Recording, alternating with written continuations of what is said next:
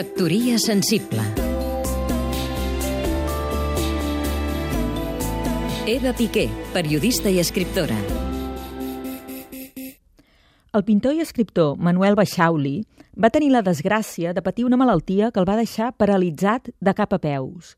Es va convertir en una pedra que pensava i sentia. Després de 42 dies eterns a la unitat de cures intensives, va anar recuperant la mobilitat de mica en mica. De l'hospital el van traslladar a un sanatori antic, on va afrontar el procés de rehabilitació i va conèixer tot de personatges curiosos.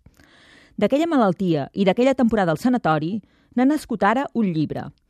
Es titula La cinquena planta i es presenta demà a dos quarts de vuit del vespre a la llibreria La Central de Barcelona. La cinquena planta és un llibre viscut perquè, en efecte, Manuel Baixauli va viure en primera persona el que hi explica. Però, sobretot, La cinquena planta és un llibre viscut perquè desprèn veritat, que l'autor efectivament hagués quedat paralitzat més aviat és una anècdota. Podria no haver passat, i el llibre podria bategar amb la mateixa força.